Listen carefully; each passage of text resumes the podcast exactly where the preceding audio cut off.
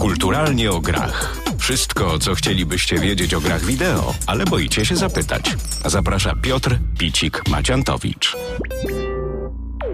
Witam serdecznie w kolejnym odcinku podcastu Kulturalnie o grach, czy też Księżniczka znajduje się w innym zamku. Osobiście bardziej lubię tą drugą nazwę, bo jest bardziej growa, ale Kulturalnie o grach oczywiście jest bardziej chyba adekwatna, bo rozmawiamy w tym podcaście o grach i o kulturze gier wideo, bo to coś więcej niż same gry, to to, co otacza gry, a tak naprawdę jest tego dość sporo. Dziś porozmawiamy o temacie chyba bardzo ważnym, chyba temacie, który nadal jest pomijany, a przynajmniej przynajmniej nierozumiany chyba do końca i postrzegany w sposób nieco wypaczony. Dzisiaj moim gościem jest Edyta Marchelek, znana również jako Płotka. Znamy się ze studiów filozofii jesteśmy magistrami filozofii, dumnie to brzmi, czyli umiemy wszystko i nic. Jak to się mówi, nadajemy się do wszystkiego i niczego. Oprócz tego e, jest nerdem, geekiem, gamerką, pełną gębą i też dlatego znajduje się tutaj razem z nami i dlatego ją przede wszystkim zaprosiłem. E, ale zaprosiłem ją też dlatego, że jest kobietą, że jest dziewczyną, która gra w gry.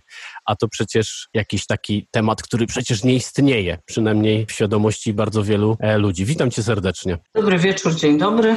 Witam wszystkich. Słuchaj, zacznę od takiego pytania bardzo, wydaje się, oczywistego. Czyli jak i kiedy, z naciskiem na kiedy chyba, zaczęła się twoja przygoda z grami wideo? W sumie mm, zaczęło się to dosyć wcześnie, bo wydaje mi się, że tak już w przedszkolu i to tak jak miałam 5 albo 6 lat. Pierwsza gra, jaką dostałam, ciężko ją nazwać e, grą wideo, to był taki handheld, jak teraz byśmy powiedzieli, gdzie e, wilk i zając ze znanej bajki rosyjskiej po prostu zajączek rzucał jajkami, a wilk miał jej łapać. Coś Klasyk. w stylu. Tak. I, I to była w sumie taka pierwsza gra, a takie no faktycznie gry wideo czy gry arcade. Miałam z nimi styczność, jak pojechałam z rodzicami na wczas, nad morze, to gdzieś tam przechodziłam z tatą obok salonu gier, zobaczyłam, że było tam dużo dzieci, no i zaciągnęłam tatę do tego miejsca i tak w sumie się zaczęło, bo już później każdy wyjazd na wczasy wiązał się z tym, że no, musiałam, brzydko mówiąc, wyżulić trochę groszy od, od rodziców i iść do salonu sobie pograć. Musiało to dosyć zabawnie wyglądać, bo ledwo za tej konsolety wystawia, wystawałam, a grałam na przykład w Street Fightera, czy w Terminatora. W Mortal Kombat raczej nie, Za ale na pewno tak, tak, ale zdecydowanie wszystkie bijatyki inne w stylu, nie wiem czy wtedy już był Tekken, ale no, te wszystkie karato podobne mnie interesowały. No i oczywiście lubiłam jeździć autkami i, i jakimiś motorówkami i różnymi pseudosymulatorami. I tak się w sumie zaczęło. A później już tak na poważnie, gdzie faktycznie już troszkę więcej czasu spędzałam przy tych grach, to było w czasach, kiedy dostałam Pegasusa. To była e, druga klasa podstawówki. Dostałam Pegasusa na komunie więc już zaczęły się jakieś tam tematy takich ulubionych gier. Mała Syrenka, kaczy opowieści. Kolejne klasyki. Czołgi, czołgi oczywiście, tak. tak. zwane tak, tanki, to, to nawet z tatą pamiętam w to grałam. I chyba jak miałam 12 lat albo 11, już teraz nie pamiętam, rodzice mi siostrze kupili peceta, takiego pierwszego, no i y, tam już się zaczęły, no, powiedzmy, poważniejsze tytuły. Był, w sumie do tej pory lubię tą grę, taka przygodówka 2D, trzy czaszki Tolteków. Mam gdzieś jeszcze nawet Big, y, Big Boxa z tą grą. Pudełko, dla tych, którzy tak, nie wiedzą. Tak, tak. Kiedyś tak, były tak, czasy gier, które kupowało się w pudełku kartonowym. Tak, takie wielkie kartonowe pudło. I w sumie dzięki temu, że interesowałam się grami, to też dużo gier mi podrzucali koledzy w szkole. Na przykład y, namiętnie grałam w komandosów, e, później był taki odpowiednik komandosów. Robin Hoodzie. Nie, nie, Desperados nie, ale było jeszcze o Robin Hoodzie. To było chyba nawet tego samego studia, którzy zrobili, e, które zrobiło komandosów.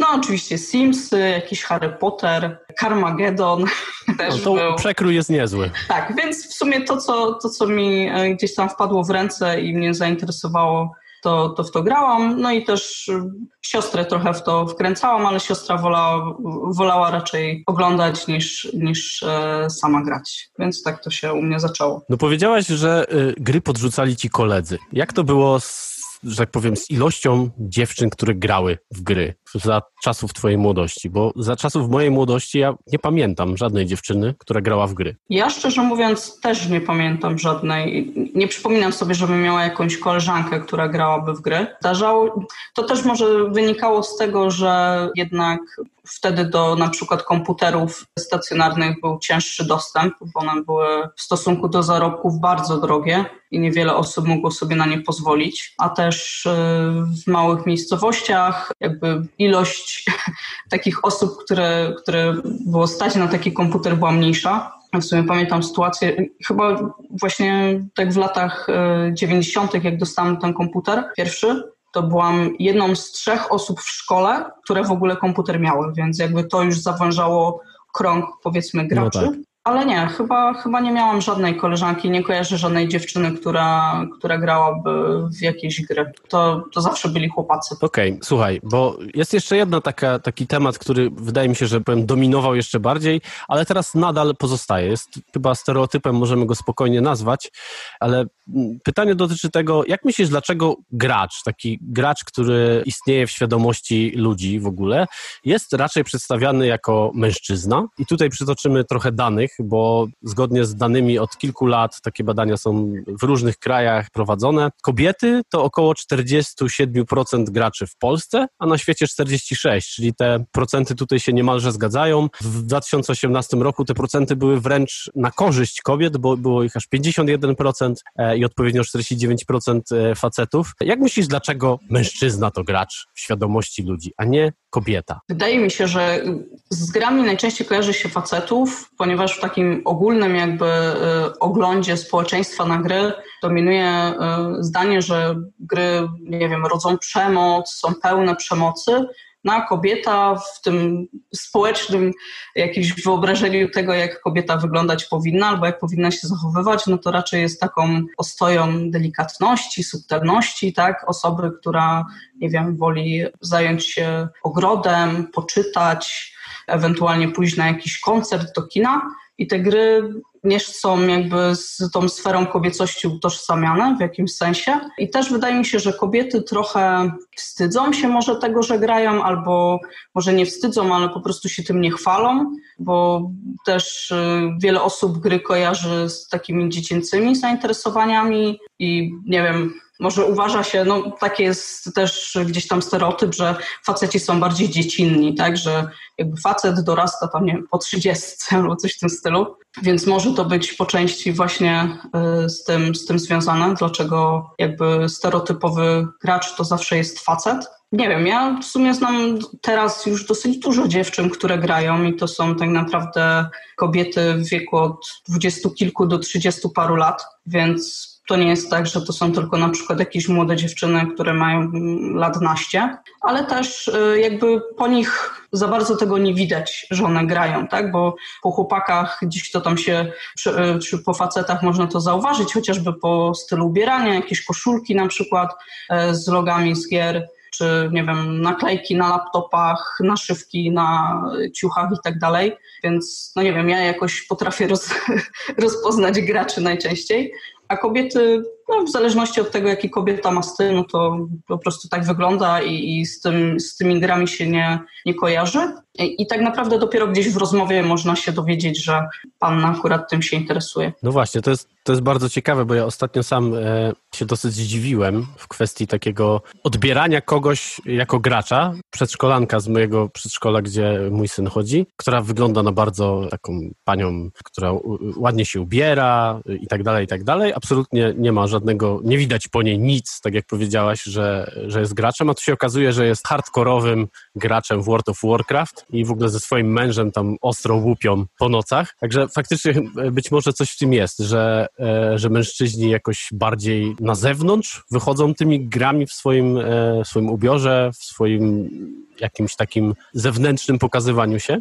Ale jeszcze e, wracając do tego myślenia szeroko o, o graczach w ogóle, nie, tyle, nie tylko o kobietach i mężczyznach, bo kolejnym stereotypem, który, który no niestety nadal gdzieś tam krąży jako widmo jakieś po świecie, a na pewno po Polsce, bo może skupmy się na tym naszym podwórku, to przedstawienie gracza jako kogoś, kto nie ma życia, kto jest po prostu jakimś wychudzonym nastolatkiem z przetłuszczonymi włosami, tak dalej, i tak. No jak myślisz, e, skąd? Skąd e, takie taka wizja gracza i może inaczej. Nie tylko skąd taka wizja, ale dlaczego, dlaczego tak postrzegamy graczy? Wydaje mi się, że ten temat e, z tego co kojarzę, to poruszałeś ze swoim rozmówcą w pierwszym podcaście. To się zgadza, tylko e, właśnie o... chciałbym teraz e, usłyszeć zdanie płci pięknej. Mhm. Jakkolwiek to źle albo dobrze zabrzmi, ale to jest właśnie, wydaje mi się ciekawe, jak to postrzegają kobiety, bo może się okazać, że postrzegają to dokładnie tak samo. Znaczy, ja w sumie postrzegam to w podobny sposób, tak? Dla większości społeczeństwa, tak, o, inaczej, większość społeczeństwa informacje o wielu sprawach czerpie z mediów. A w mediach, jeżeli mówi się o graczach, no to najczęściej pokazuje się młodych chłopaków, tak, którzy na przykład tam, no może nie nałogowo, ale grają dużo w gry. Też czasami pojawiają się na przykład już tematy jakiś, na przykład e-sportu, tak, Chociażby ostatnia kampania czy pomysł, z którym wyszedł rząd, zorganizowali jakiś konkurs, ten Ministerstwo Cyfryzacji, tak to się chyba zwie, i też e, jakby tam chyba w zapowiedzi gdzieś się pojawiali właśnie młodzi chłopacy, więc wydaje mi się, że po prostu dlatego e, zawsze te gry były kojarzone z facetami, bo najczęściej, kiedy mówiono o grach, pokazywano facetów, więc ludzie są na tym, na tym skupieni. Gry dla wielu osób, nie wiem, tak jakby nie idą w parze z dojrzałością, a nie wiem, kobiety chciały być odbierane jako bardziej dojrzałe i też mniej się jakby udzielają w mediach, gdzie o grach się mówi. A, a jeśli chodzi jeszcze o to wyobrażenie właśnie tego gracza jakiego takiego no, jako takiego no-life'a, to chyba też trochę jest zasługa y, jakichś starszych filmów czy seriali, gdzie też zawsze ten gracz y, to był po prostu taki schowany gdzieś prawie że w piwnicy dzieciak, którego nikt nie lubi, który jest nieśmiały i, i tak naprawdę może pokazać swoje prawdziwe ja tylko w jakiejś sieciowej grze. Dlaczego w ogóle skąd pomysł twórców, żeby akurat takie osoby pokazywać jako graczy, no tego niestety nie wiem, ale chyba z tym to się w dużej mierze wiąże. No pewnie ze świadomości tych twórców po prostu, tak mi się wydaje. Wspomniałaś o grach sieciowych. To jest ciekawe, bo y, chciałem właściwie zadać kolejne pytanie a propos tego, bo z tego, co czytałem, co dowiadywałem się, kobiety w grach sieciowych, w grach multiplayer są traktowane nieco inaczej niż gracze płci męskiej. I tutaj zdania są podzielone. Z jednej strony mm, niektórzy mówią o tym, że mamy do czynienia z takim, mówiąc wprost, po prostu bullyingiem jakimś, jakimś e, mobbingiem, jakimś takim e, obrzydliwym, nie wiem, zastraszaniem, jakimiś takimi rzeczami. Z drugiej strony słyszy się o tym, że właśnie kobiety w grach multiplayer dostają dwuznaczne propozycje, bardzo wielu graczy im pomaga tylko dlatego, że są kobietami. Jak to faktycznie jest? Wydaje mi się, że tak naprawdę jedna i druga opinia jest prawdziwa. Wszystko zależy od gry, bo też e, wiele właśnie, wiele. Są gry sieciowe, które moim zdaniem mają bardzo e, toksyczną społeczność. Nie wiem jak jest teraz, ale wiem jak było kiedyś na przykład w League of Legends. Podobnie też sytuacja mm, wygląda w Counter-Strike'u. Tylko wyjaśnię, że League of Legends to jedna z największych gier tak zwanych esportowych, czyli gier, w które, w które gra się bardzo profesjonalnie. Oczywiście gra też w to po prostu mnóstwo graczy. Ta społeczność jest ogromna, e, no i przy okazji można zarobić dużo pieniędzy na różnych turniejach. Mhm, zgadza się. Natomiast y, no, też w te gry można grać czysto amatorsko, tak jak wspomniałaś. Więc y, miałam taki okres. Ja ogólnie nie przepadam za grami multiplayer. Jeśli gram w sieci, to raczej w trybie kopa i to z takim swoim sprawdzonym kumplem, gdzie no po prostu jest moim kumplem w życiu realnym i sprawdza się też idealnie jako partner, y, partner w grze. Jeśli chodzi o takie typowo multiplayer gry, ja nie przepadam za rywalizacją, jakoś mnie to w ogóle nie pociąga, więc też doświadczenie z tym mam raczej nikłe, ale jakieś mam. I sama spotkałam się na przykład y, z czymś takim jak takie, nie wiem, zagłaskiwanie. To jest piękne Zaczęłam, tak, zaczęłam grać y, w taką grę survivalową Rust i w sumie namówił mnie do tej gry znajomy, którego poznałam też gdzieś na jakimś forum growym i y, stwierdził, no to może zagram gramy razem. Ja mówię w sumie, dobra, spoko, zobaczę jak to działa. Ledwo w sumie zalogowałam się do tej gry, stworzyłam postać I e, on mówi, dobrze, słuchaj, to teraz idziemy tu, bo ja już zbudowałem dom, to jest twoja skrzynia, tutaj są wszystkie rzeczy, których potrzebujesz. I, i słuchaj, tu masz broń, za chwilę przyleci helikopter, to musisz się schować tu i tu. Ja w ogóle przez, on przez pierwsze 15 minut mówił, ja go słuchałam z uwagą i zastanawiałam się, co się dzieje, bo e, po prostu czułam się jakby, nie wiem, on był moim ojcem i próbował się mną zaopiekować. A ja mówię, słuchaj stary, ale ja bym chciała sama pograć w tą grę, wiesz, nie musisz się w tak zajmować. On mówi, dobra, dobra, okej. Okay. Minęło jakieś 10 minut, poszłam zbierać drzewo, za chwilę on przychodzi i mówi, masz, już ci nazbierałem tego drzewa, nie musisz go już zbierać, możesz sobie zbudować, nie wiem, łóżko na przykład. Z jednej strony to było miłe, natomiast z drugiej jakby odbierało mi cały fan, jaki był w tej grze, czyli ten cały survival, bo tak naprawdę nie musiałam się starać o to, żeby przeżyć, bo on wszystko robił za mnie. A żeby był już graczem, który miał no, wiele godzin przegranych, no to miał w tej grze doświadczenia więc faktycznie to takie zagłaskiwanie gdzieś się pojawiło. Natomiast jak grałam, e, zaczęłam grać w Lola, to miałam akurat nick, który nie wskazywał na moją płeć. Jeżeli ktoś wyzywał mnie od nubów, no to dlatego, że faktycznie tym nubem byłam, bo dopiero się uczyłam grać. Ale widziałam, jak reagowano na dziewczyny na serwerze, czy może to nie były dziewczyny, ale były to osoby o damskich nikach. No więc właśnie było z jednej strony były jakieś wulgarne odzywki, które jakby sugerowały, że ta kobieta uprawia najstarszy zawód świata, prawda? Ale też pojawiały się jakieś takie niemoralne propozycje, więc wyglądało to różnie. Z tym, że no też trzeba brać na to poprawkę. Nie wiem, jak, było, jak jest teraz, ale tak było kiedyś, że jednak w League of Legends grało dużo takich małolatów, którzy chyba mieli potrzebę wyżycia się trochę i odreagowania może, więc szukali sobie takich ofiar, które nie zawsze potrafiły się obronić przed tymi atakami, zwłaszcza jeśli to był zmasowany atak kilku osób. Tak to wyglądało. A sama grałam też przez jakiś czas i to w sumie była jedyna taka gra multi, gdzie ta rywalizacja mi się podobała. To był Battle, y, Battlefield trójka i tam miałam akurat nick, który e, wskazywał na to, że jestem kobietą. I z jednej strony, jak pojawiałam się na mapie, to jak padałam, to przybiegało po prostu, nie wiem, dziesięciu facetów i rzucało we mnie apteczkami. Klasyk. Ale zdarzali się też tacy, którzy na przykład, kiedy trafiałam na górę listy wyników, a często tak, znaczy często, jak już nauczyłam się grać, to tak się zdarzało, że byłam w pierwszej trójce, no to jakieś tam prywatne wiadomości próbowali pisać i próbowali mnie też obrażać, tak, że o, tam baba, pewnie wygrałaś, bo, bo ci pomagali, a sama nie umiesz grać i tak dalej, więc jakby pewnie gdybym była facetem albo oni by nie wiedzieli, że jestem kobietą, no to może by mi nawet pogratulowali, że o stary zagrałeś super mecz, nie? czy coś takiego, więc no jest, jest to inne trochę traktowanie e, przez wzgląd na, na płeć, chociaż nie zawsze jest to coś negatywnego. Czyli przede wszystkim jest jakaś inna reakcja.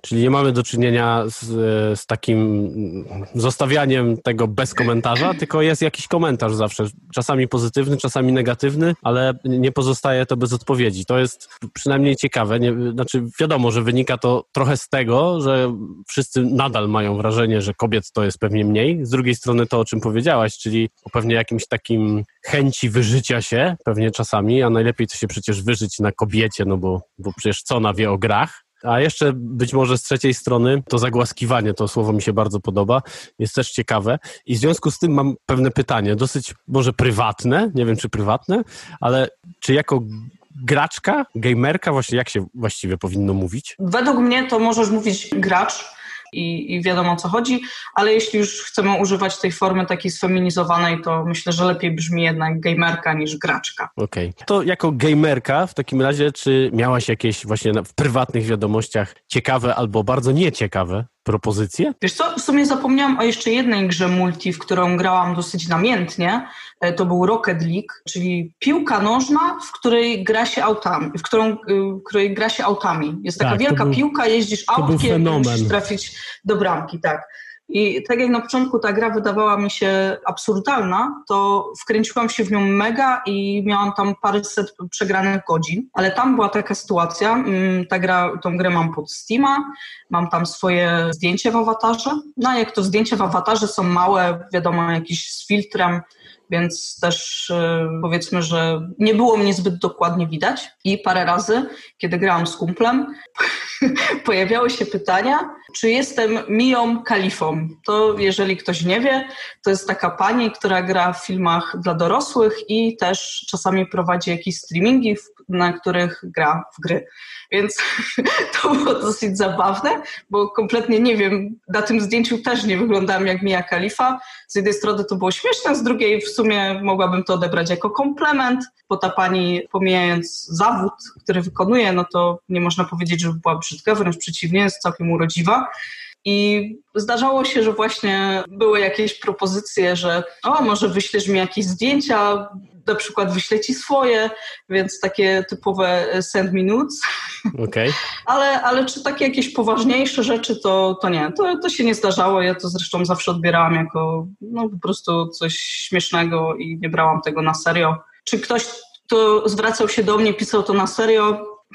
Pewnie tak, ale, ale ja to raczej odbierałam tak z przymrużeniem oka. No właśnie, bo to, to też jest e, właśnie bardzo ciekawe, że jakoś gracze e, płci męskiej mają jakąś taką dziwną opcję do tego, żeby wysyłać właśnie wiadomości do kobiet. A, sprawdzę. No bo przecież gamerka to, to ma pewien wizerunek, o którym sobie porozmawiamy jeszcze trochę później, bo, bo to też jest bardzo, bardzo ciekawy temat. Ale najpierw chciałbym obalić kolejny mit, kolejny stereotyp, którym oczywiście już samą, samą sobą i tym, o czym mówisz, trochę go obalasz, ale chciałbym, żebyśmy e, popatrzyli trochę szerzej na, ty, na to, bo w świadomości znowu tego ogółu, e, jakby ja przepraszam wszystkich z góry, że tak mówię o tych wszystkich innych, że to taki ogół, ale no trochę tak jest, że jeżeli już ktoś zna kobietę, która gra w gry, to to na pewno są Simsy, o których wspomniałaś wcześniej, albo jakieś kryształki na telefonie, albo jakieś takie gry, które są zupełnie casualowe, to takie gry, w które e, gra się chwilę dla czystej rozrywki, czy też jak te Simsy, które chyba nie są do końca grą casualową, ale e, są grą, w której a, tworzymy domek, rodzinę,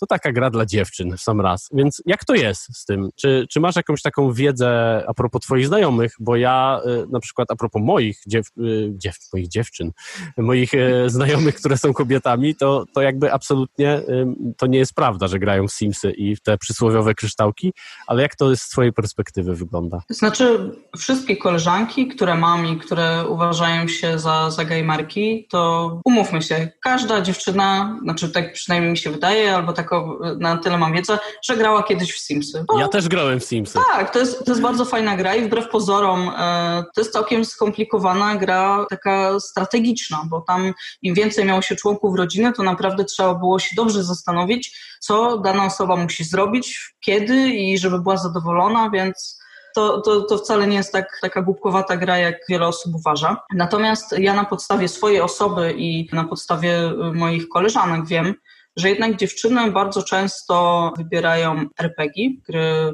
fabularne, role-playing games, tak to się Tak, i to, to, co mówisz, potwierdzają też dane i badania, że to faktycznie jest y, najchętniej wybierany gatunek przez kobiety. No, są też dziewczyny, które lubią rywalizację, więc wszelkie właśnie League of Legends, Dota, StarCraft tam się pojawia i, i też y, dziewczyny grają w to namiętnie. Mam koleżankę, która uwielbia Diablo, wszystkie części i gra w sumie tylko w to.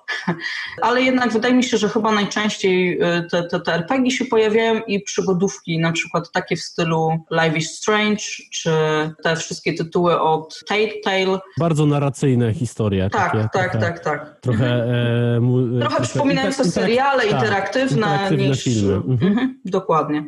Więc y, zdecydowanie, zdecydowanie gry RPG nawet moja siostra, którą, która no nie jest graczem, tak, to też miała taki epizod, że grała w RPG bardzo lubiła Morrowinda i pamiętam, że siostra jest ode mnie 4 lata młodsza. Pamiętam, że jak byłam na studiach, ona jeszcze chodziła do liceum. Przyjechałam kiedyś na weekend do domu, wchodzę do niej do pokoju, no ona właśnie miała odpalony komputer, grała w Morrowinda, obok niej leżał zeszyt, gdzie robiłam sobie notatki, gdzie jest dana postać i gdzie powinna iść, bo osoby, które e, kojarzą e, Morrowinda, to wiedzą, że no tam mapa to był taki po prostu biała plama i, i tyle. I ciężko było się w niej połapać.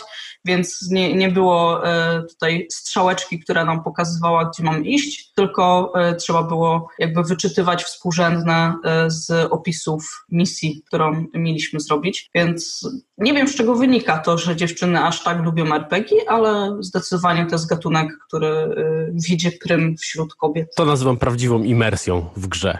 Jak ktoś sobie robi analogowe mapy i sobie coś rysuje, to jest po prostu świetna sprawa. Sam Samemu mi się zdarza czasami tak robić, ale teraz trochę jest tak, że gry już same to podpowiadają. Kontynuując temat tego, bo, bo wspomniałem o tych kryształkach na telefonie i trochę się możemy z tego śmiać, ale trochę coś w tym jest. Tu znowu się e, podeprę e, badaniami, bo okazuje się, że aż 61% graczy, na, graczy mobilnych, graczy na smartfonach to kobiety. Czyli to jest naprawdę bardzo dużo, jeżeli weźmiemy pod uwagę e, całość graczy. Tutaj znowu pytanie, mm, bo nie wiem, czy ty grywasz w gry mobilne, w gry na smartfonie.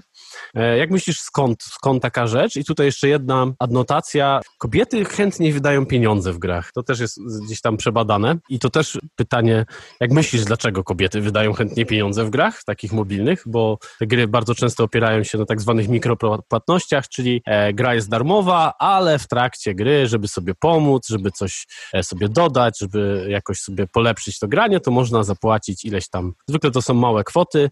No i, e, e, no i te pieniążki lecą i w ten sposób deweloperzy, czyli twórcy gry sobie zarabiają na takich grach. Jak myślisz, skąd taka popularność tych gier mobilnych u kobiet i dlaczego jakoś kobiety są bardziej chętne do wydawania pieniędzy? To może zabrzmi trochę seksistowsko, ale myślę, że kobiety ogólnie są bardziej chętne do wydawania pieniędzy. Bez względu na to, na, na co te pieniądze idą. Oczywiście tak pół żartem, pół serio. Natomiast mnie się wydaje i, i trochę też to widzę po swoich znajomych, że mm, tak naprawdę te wszystkie tytuły mobilne wybierają dziewczyny czy kobiety, które nie są graczami. One nie grają na przykład y, na komputerze, nie grają na konsoli.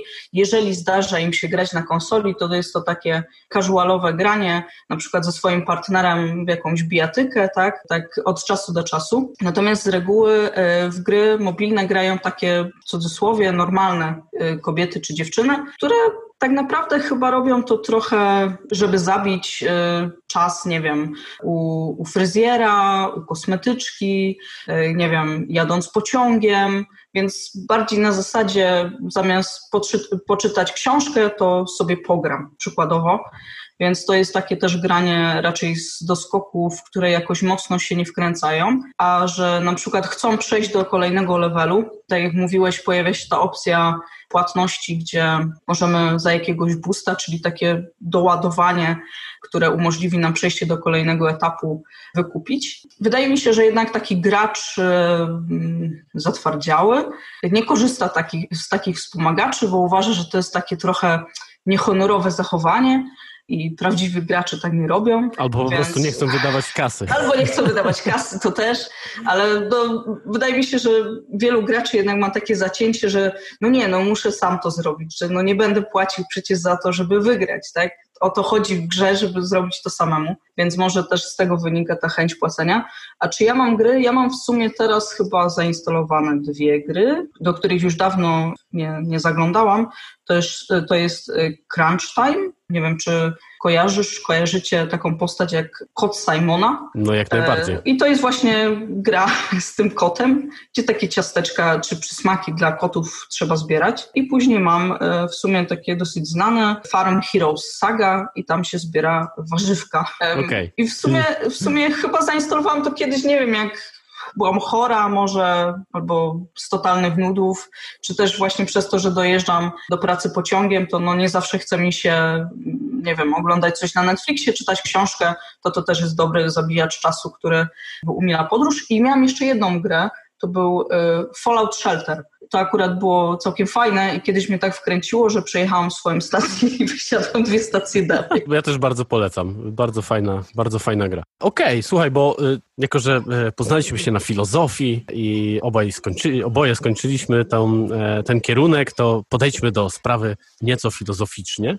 Mam wrażenie, że istnieje coś takiego jak punkt widzenia gamerki, czy też sposób postrzegania gry, czy może w ogóle kultury przez kobiety, który różni się od postrzegania męskiego. Czy to faktycznie zależy od płci, czy może od osobowości, czy może od czegoś jeszcze innego. W każdym razie, czy jakby podejście do, do gier, no bo przecież o tym rozmawiamy i może na tym się skupmy, jest jakieś inne niż u facetów. Czy jest tak, że ty jako kobieta w rozmowach, nie wiem, z kolegami, którzy, którzy też grają w gry, przy okazji jakiejś gry, na przykład e, mówisz, słuchaj, ja tam widziałam zupełnie coś fajnego albo coś innego, a on mówi, wow, kurczę, to dlatego, że jesteś kobietą. Na pewno dlatego to zauważyłaś, bo ja tego nie zauważyłem.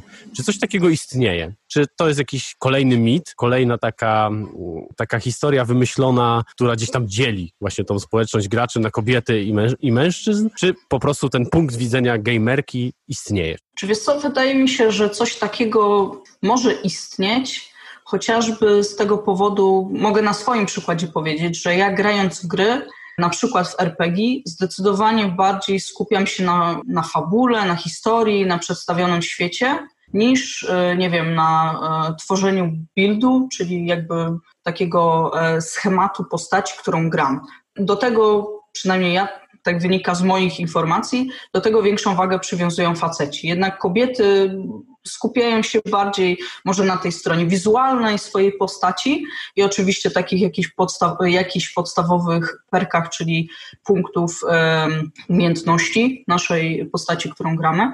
Więc taki punkt widzenia może istnieć, chociażby na przykładzie, to mogę powiedzieć, gry Dragon Age 2. To jest e, w sumie seria, jedna tutaj z czołowych i najbardziej znanych serii, e, jakie, mm, jaka została stworzona przez BioWare. I druga część w sumie e, została dosyć mocno skrytykowana przez środowisko graczy, i wydaje mi się, że to byli głównie gracze e, mężczyźni, bo e, ja rozmawiając ze swoimi koleżankami, które właśnie w tą e, grę grały, często spotykałam się z opiniami, że dla nich część druga jest tą częścią najlepszą i ulubioną.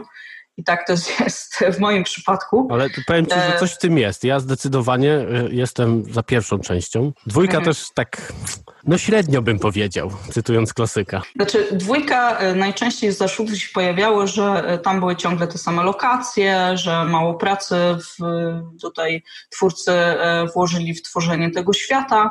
Natomiast dla mnie dwójka jest genialna przez wzgląd na to, jak zostały napisane i stworzone postacie jak zostały przedstawione relacje między głównym bohaterem, e, czyli osobą, w którą my się wcielamy, a naszymi towarzyszami, którzy trafiają do naszej drużyny. E, nawet opcje romansowe tam po prostu były tak rozbudowane, że nieraz miałam łzy w oczach, kiedy prowadziłam jakieś linie dialogowe. Więc wydaje mi się, że coś takiego jak właśnie punkt widzenia e, gamerki się pojawia, ale to też jednak jest w dużej mierze związane z naszym takim no, osobistym podejściem do wielu kwestii. Od naszej osobowości to zależy, tak? No bo mamy na przykład dziewczyny, które są romantyczne, no i takie, które, których to po prostu nie interesuje, tak? Tak, dokładnie, więc to też nie można powiedzieć, że wszyscy faceci uwielbiają, nie wiem, w grach y, tą przemoc, strzelanie, tak? I w opcjach dialogowych, gdzie pojawiają się kobiety, no to najczęściej dążą do tego, żeby tutaj e, z tą, z tą panią jakąś wylądować w łóżku, bo to też e, nie, nie, nie tak wygląda, ale po części wydaje mi się, że jednak ten punkt widzenia gamerki jest, jest trochę różny od tego męskiego podejścia, no i też to może wynikać z tego, że jednak um, kobiety są chyba mniej skłonne do rywalizacji. Zawsze się bardziej skupiają na fabule, historii, co też wynika no, z tego, o czym wcześniej mówiliśmy, że jednak te gry RPG gdzie ta fabuła jest podstawą, cieszą się większym zainteresowaniem w gronie kobiet. To, o czym mówiłaś wcześniej, tego, tej e, zażyłości kobiet z RPGami, z grami fabularnymi, to bez, być może też to właśnie z tego wynika, że e, po pierwsze, można sobie tam stworzyć postać od zera, co też ja bardzo uwielbiam i e, jeżeli już po, wspomniałaś e, studio BioWare, które właśnie słynie z tego, że, e, że te opcje, czy też romansowe, czy wręcz e, jakieś interseksualne się pojawiają, bo tam przecież można być i kobietą, i mężczyzną, to jest bardzo ciekawe, że te różne sytuacje się pojawiają w takich grach. Kobiety bardziej się skupiają jednak na fabule, chociaż ja jestem też graczem, który skupia się na fabule. Nie lubię za bardzo się bić w grach. Dobra, słuchaj, jeszcze jeden taki dosyć poważny temat, ciekawy i być może przełamujący kolejny stereotyp, czyli wizerunek, wizerunek gamerki. O ile stereotypowy wizerunek gracza to jest taki e, właśnie jakiś tam chłopiec, raczej małoletni, z przytłuszczonymi włosami, to wizerunek gamerki w mediach jest bardzo często przerysowany zupełnie w drugą stronę. To jest dziewczyna, też zwykle młoda, która gdzieś tam pojawia się w bardzo, powiedzmy, dyplomatycznie skąpo, e, skąpym ubraniu. Zawsze ma obowiązkowo takie rogowe okulary ale Woody Allen, e, ma zawsze pada w ręku. To jest taki wizerunek, który jest bardzo często e, używany w marketingu growym, zwłaszcza w tych grach mobilnych. Z drugiej strony też jest wykorzystywany przez media. Może nie bardzo często, ale jednak, skąd taki wizerunek wizerunek gamerki. To jest pierwsza rzecz. Z drugiej strony e, mamy taki fenomen streamingu gier, czyli grania na żywo, o czym też wspominałaś wcześniej w trakcie naszej rozmowy. Tam pojawia się taki problem, że bardzo, nie wiem czy to nazywać problemem, jakiś może fenomen bardziej. W tych streamingach pojawiają się dziewczyny, które grają w gry, ale tak naprawdę, umówmy się, faceci raczej oglądają te streamingi nie dlatego, że one grają, tylko dlatego, że one wyglądają tak, jak wyglądają. E, no i jak myślisz, dlaczego tak się dzieje i skąd taki wizerunek? Wydaje mi się, że to w sumie jedno z drugim się zazębia. Osoby prowadzące jakieś kampanie reklamowe związane z grami żyją w takim przeświadczeniu, że ich odbiorcami są głównie mężczyźni. Więc no, co najlepiej się sprzedaje? Najlepiej sprzedaje się seks, mówiąc wprost, tak? Czy to wszystko, co z nim związane, no, jest tym na pewno atrakcyjna kobieta, więc też tutaj pojawia się ten wizerunek kobiety w, we wszelkich akcjach reklamowych. Logiczne jest, że jakby pokazanie takiej zwykłej dziewczyny, która po prostu jest graczem i, z racji tego, że dużo czasu spędza przed komputerem, nie mówię, że tak jest zawsze, ale często tak jest, może mieć na przykład nadwagę, tak? Albo wręcz przeciwnie, może być bardzo szczupła i blada, bo rzadziej wychodzi na dwór i po prostu się nie opala więc y, trochę wizualnie odbiega od tego stereotypowego poglądu na atrakcyjność y, kobiet. To się dobrze sprzedaje, dlatego to się pojawia. Też y, jak rozmawia się, zwłaszcza z młodszymi chłopakami, którzy są graczami, no to oni bardzo by chcieli mieć dziewczynę gamerkę, ale właśnie w zamyśle mają taką dziewczynę, która mi się osobiście kojarzy trochę z postaciami z mangi, tak kolorowe włosy, duże oczy, co inne, inna część ciała też jest pokaźnych rozmiarów, no i właśnie jakieś takie fikuśne, e, fikuśne ubranko. Niestety, no, typowe dziewczyny, które grają, tak, typowe gamerki, kompletnie tak nie wyglądają, tak? Siedząc przed komputerem, no to siedzę po prostu w tym, w czym mi jest wygodnie. Najczęściej jest to dres, nie mam jakiejś ułożonej fryzury, nie jestem pomalowana, po prostu skupiam się na grze i kompletnie mnie nie interesuje, jak wyglądam. Natomiast jeśli chodzi o, o, o, o, te, o te osoby, które zajmują się, jeśli tak to można nazwać, streamingiem, Najczęściej, y, jeśli chodzi o ich umiejętności, to graczami czy gamerkami są słabymi i tak jak powiedziałeś, y, faceci oglądają to, czy chłopacy oglądają to tylko dlatego, żeby sobie na tą dziewczynę popatrzeć, a że dla nich to jest jakby dodatkowy bodziec, że ona jest z jednej strony urodziwa, z drugiej strony gra w ich ulubioną grę, to składa się w jakąś fajną całość dla nich i w ogóle super y, atrakcyjna jest to osoba. Jeszcze wpłacą jej jakieś pieniążki, żeby, nie wiem, uśmiechnęła się do nich albo pozdrowiła ich na tym, y, na tym streamie. Jest to krzywdzące dla kobiet, bo tak naprawdę też przez to pojawiają się takie opinie w grach multi, że laska to jest po prostu no, taka raczej pusta dziewczyna, którą trzeba, tak jak to się mówi, wykerować, czyli zaopiekować się nią i pomóc jej wbić się na wyższy level, bo ona sama sobie nie poradzi, bo po prostu nie ma takich, takich umiejętności. Ja ogólnie tych wszystkich streamerek nie uważam za graczy i mam do nich taki, może nie negatywny stosunek, ale taki bardzo neutralny i, i myślę, że to jest akurat część e, tego świadka gamingowego, który, no, który mi się nie podoba i uważam, że, że powinno to trochę być wycofywane. Jeśli ktoś faktycznie chce prowadzić taki stream, to niech coś na nim przedstawi więcej niż swój wygląd. Z drugiej strony, no, czemu zabronić komuś wyglądać dobrze, tak? No, jeśli, jeśli taką ma wolę, to, to spoko. E, ale właśnie no, no, z tego to się bierze, tak? Ten stereotypowy wizerunek tej, tej, tej grającej kobiety bierze się tak naprawdę z fantazji tych wszystkich graczy, tak? Najczęściej to są młodzi chłopacy, którzy chyba nie do końca mają też e, kontakt z prawdziwymi dziewczynami, tylko obejrzeli sobie jakieś fajne dziewczyny właśnie w filmach, też tych dla dorosłych, to i tak, tak tworzą wizerunek e, swojego ideału, no a ktoś z reklamy to podłapuje i takie też dziewczyny w reklamach zamieszcza. Zresztą też to widać na wszelkich targach growych, gdzie hostessy cieszą się największym zainteresowaniem no tak. E, przybyłych na dany konwent czy, czy imprezę. No czyli jakby stereotyp goni stereotyp i go napędza w pewien sposób, z czego, no tak jak powiedziałaś, trudno jakby z tym walczyć chyba, no bo to się wszystko sprowadza do jednego, czyli do kasy po prostu. Bo i marketing jest po to, żeby sprzedać daną grę i te dziewczyny, które robią te streamingi w taki właśnie sposób, też robią to przecież dla kasy, bo stają za to tak zwane donaty, tak, czyli to, o czym wspomniałaś, ktoś tam im rzuca przelew, czy tam nie wiem, jak, w jaki sposób to się odbywa. Jest to, jest to w jakiś sposób rozwiązane.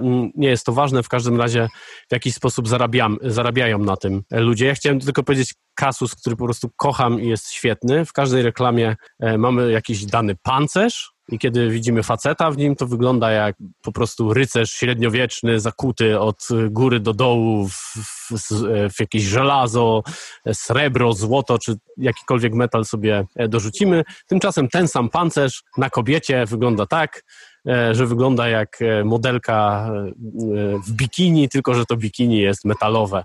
Ale właściwości są to dokładnie takie same.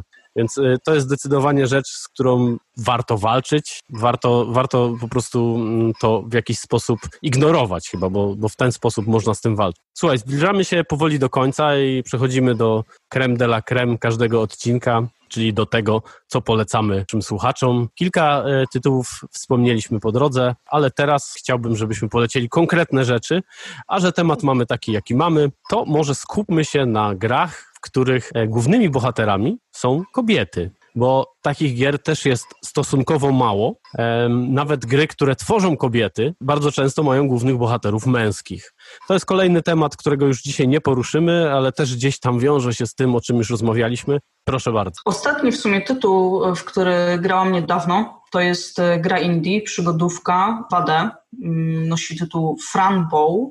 E, główną bohaterką jest dziewczynka, Wydaje mi się, że ona chyba ma około 10 lat, teraz już dokładnie nie pamiętam, nie wiem czy to w ogóle pada, no ale małe dziecko, która była świadkiem śmierci swojej, swoich rodziców. To była śmierć no, dosyć brutalna, zostali zamordowani i dziewczynka w takim no, poważnym szoku trafia do szpitala psychiatrycznego. Nie będę tutaj zdradzała jakby fabuły, no zdecydowanie jest to gra raczej dla osób, może nie tyle 18 plus, ale na pewno od lat 16. Mimo, że jest to gra 2D, to jest tam e, trochę takich no nieprzyjemnych obrazów, które mogą zapaść w pamięć i raczej dzieciom bym jej nie polecała. Gra jest w języku angielskim, natomiast jest to język na tyle podstawowy, że ja znając angielski na poziomie B1, bez problemu sobie z tą grą, ze zrozumieniem tej gry radziłam. Naprawdę polecam e, taki fajny przekrój przez e, to, jak może działać ludzki umysł pod wpływem stresu i też e, jak może dziecko w niektórych sytuacjach też się zachowywać, więc naprawdę, naprawdę bardzo fajna gra.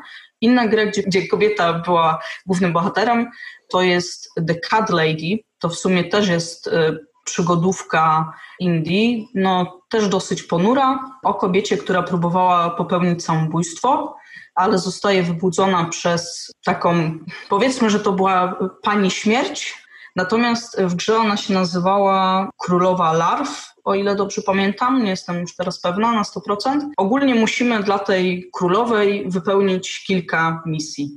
I przy okazji poznajemy historię tej naszej głównej bohaterki, dlaczego podjęła taką decyzję, że chciała ze sobą skończyć. Gra jest dosyć ciężka, ale naprawdę historia jest na tyle ciekawa, że wciąga i no, z dużą przyjemnością się w tą grę, e, w tą grę gra. E, I też jako przygodówka nie jest y, jakoś bardzo trudna, więc nie ma dużo e, takich momentów, gdzie po prostu jest przestój i nie wiemy, co zrobić dalej. No i w sumie takie dosyć znane gry to jest strzelanka Borderlands 1 i, gra, 1 y, i 2.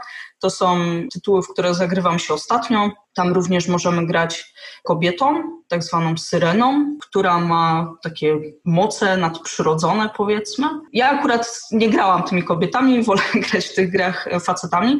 Bardziej chodzi o to, że mm, nie wiem, lubię grać snajperem, a akurat tamta, tamta syrena no, ma y, jakby inną broń do siebie przypisaną, ale w samym, w samym uniwersum Borderlands są bardzo fajne postacie kobiece czy dziewczęce, takie na przykład jak Tiny Tina, czy Eli. I są to no, naprawdę mm, postaci kobiece, które jakby wyłamują się z tego stereotypu, bo totalnie nie są to właśnie jakieś, że tak powiem, wylaszczone dziewczyny, tylko takie przerysowane w drugą stronę trochę. Eli jest takich bardzo pokaźnych rozmiarów, jest mechanikiem samochodowym, natomiast Tiny Tina to taka zagubiona dziewczyna, taka środka, która tworzy różnego rodzaju materiały wybuchowe jakkolwiek śmiesznie to nie brzmi.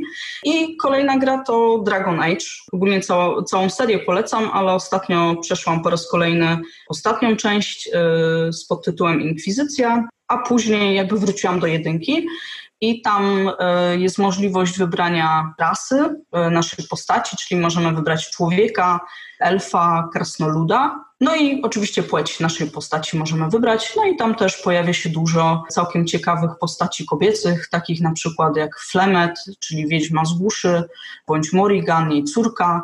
I myślę, że akurat w tych grach, w grach RPG te postacie kobiece, one nie są przedstawione w taki stereotypowy sposób, bo jednak tak naprawdę, jeżeli byśmy zapytali kogoś, powiedzmy na ulicy w cudzysłowie, jaką kojarzy kobietę z gry, no to pewnie Wiadomo. pierwsze co wypadło to Lara Croft, tak, bo któż by inny. Wydaje mi się, że no, większość osób ją kojarzy, nawet osoby, które jakby z grami nie mają nic wspólnego albo wspólnego mają niewiele. Chociaż ja akurat tą postać lubię, lubię tą serię gier, ale bardziej do mnie nawet trafia ta e, Lara z, z tych nowych gier, które wyszły, chyba pierwsza wyszła w 2013 roku, z tego co pamiętam, bo ta Lara jest taka bardziej dziewczęca, nie przypomina już takiej plastikowej panny. I jednak jest też e, mniej odporna na przykład na ciosy, tak, jak spada z jakiejś skały, no to widzimy, że tam, nie wiem, krewi leci, ma jakieś blizny i tak dalej, no bardziej wygląda na taką typową poszukiwaczkę przygód, tak, trochę taka żeńska wersja Indiana Jonesa. No a jednak ta pierwsza Lara, no była taka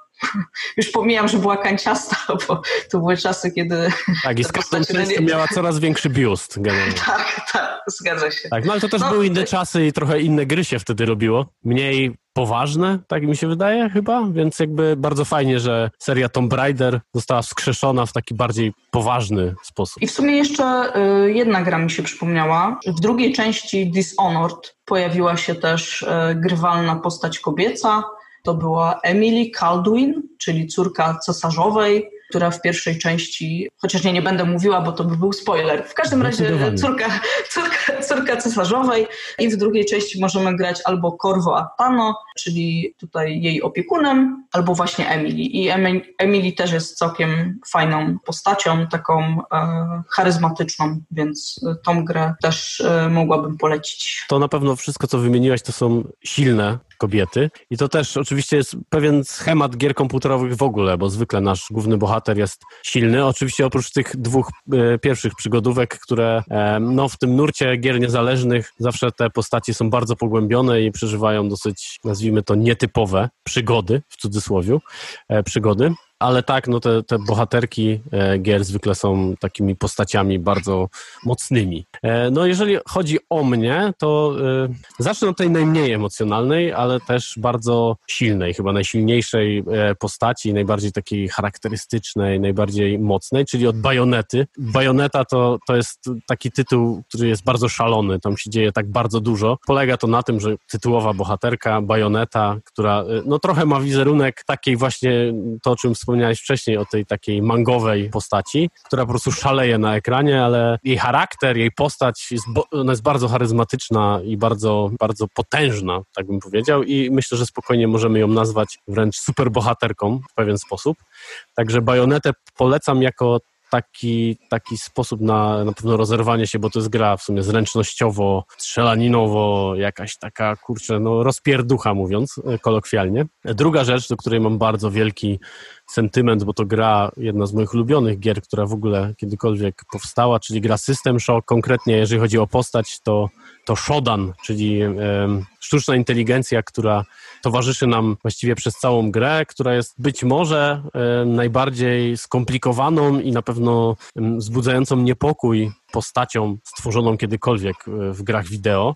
Jej wizerunek jakby nie jest tutaj ważny. Ważne jest to, w jaki sposób ona mówi cały czas do bohatera i w jaki sposób ta, ta, ta jakaś taka interakcja między tymi dwoma postaciami e, wybrzmiewa w tym, w tym tytule. E, myślę, że spokojnie możemy powiedzieć, że, że to jest, ta relacja jest bardzo mocno psychologiczno, może filozoficzna czasami, mimo tego, że to jest gra, w której e, w gruncie rzeczy trochę strzelamy, trochę rozwiązujemy zagadek, ale zdecydowanie ta, ta postać właśnie Shodan tutaj wychodzi na pierwszy plan.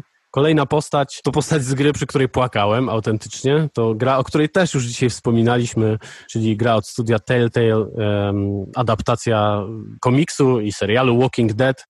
Chodzi o postać Clementine, czyli e, najpierw dziewczynki, potem starszej nastolatki, a zdaje się, że w ostatnim e, sezonie tej gry to już prawie kobieta. Jej relacja z głównym bohaterem tutaj e, znowu to jest rzecz, która, mm, no, która jest po prostu rozczulająca. To jest taka, e, nie wiem czy rozczulająca to dobre słowo, ale to jest gra bardzo emocjonalna, w której musimy podejmować decyzje bardzo szybko. Mamy na, te, na, te, na podjęcie tych decyzji 10 sekund, coś koło tego i tam ktoś albo ginie, albo nie. My podejmujemy tą decyzję. A Clementine jest taką postacią e, w tej grze, która nam towarzyszy cały czas i jej punkt widzenia, który wpływa na nasze decyzje. W kolejnych częściach już wcielamy się w Clementine. Są bardzo, e, no chyba wzruszające tak naprawdę. Ja naprawdę przy pierwszym sezonie na końcu płakałem co mi się nie zdarza zbyt często, ani na filmach, ale, ani przy grach, ale jednak gra Walking Dead, czyli gra o zombie tak naprawdę, no potrafi to zrobić. I to jest też um, coś, za co gry komputerowe w ogóle szanuję i studio Telltale, e, które umie e, w wyciskanie emocji z ludzi. E, no i ostatnia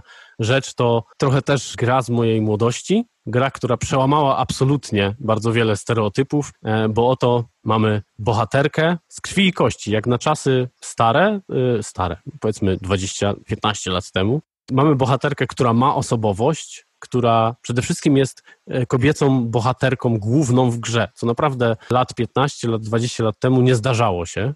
Chodzi o Kate Archer, czyli bohaterkę gry No One Lives Forever, e, gry szpiegowskiej, gry tak naprawdę chyba trochę skradannej, trochę strzelaniny. Kate Archer to taki James Bond w spódnicy, mówiąc kolokwialnie, która ma e, swoje gadżety, która ma swoje umiejętności. E, rzecz osadzona jest mniej więcej w latach 70., chyba 60., 70. Świetna rzecz, świetnie wizualnie rzecz, która oczywiście nieco się zestarzała jak na współczesne czasy, ale pewien styl graficzny i kolory i przede wszystkim właśnie główna bohaterka, czyli Kate Archer, to jest coś, dlaczego y, mimo wszystko warto wrócić chyba do tej gry. Ona gdzieś na pewno jest dostępna, choćby na e, Gogu. No oczywiście pewnie mógłbym jeszcze wymieniać trochę tych gier, bo wbrew pozorom tych gier z głównymi e, bohaterkami kobiecymi jest dosyć sporo. Mam nadzieję, że sprawdzicie chociaż kilka z tych tytułów, które e, poleciliśmy. No i co? Zbliżamy się do końca, a właściwie jesteśmy już na końcu e, tego odcinka e, podcastu Kulturalnie o Grach. No nic, dziękuję Ci bardzo za tą rozmowę. Mam nadzieję, że nasi słuchacze troszeczkę odmienią swój punkt widzenia a propos gamerek, bo pozostańmy jednak przy tym stwierdzeniu, nie przy graczkach, bo faktycznie brzmią dość, dość dziwnie. Dziękuję Ci bardzo. Ja również dziękuję za rozmowę i no, mam nadzieję, że słuchaczom przyjemnie się nas słuchało. Zapraszamy na kolejne odcinki podcastu Kulturalnie o grach, czy też Księżniczka znajduje się w innym zamku. Dzięki. Dzięki, cześć. To był podcast Estrady Poznańskiej Kulturalnie o grach. Więcej na estrada.poznan.pl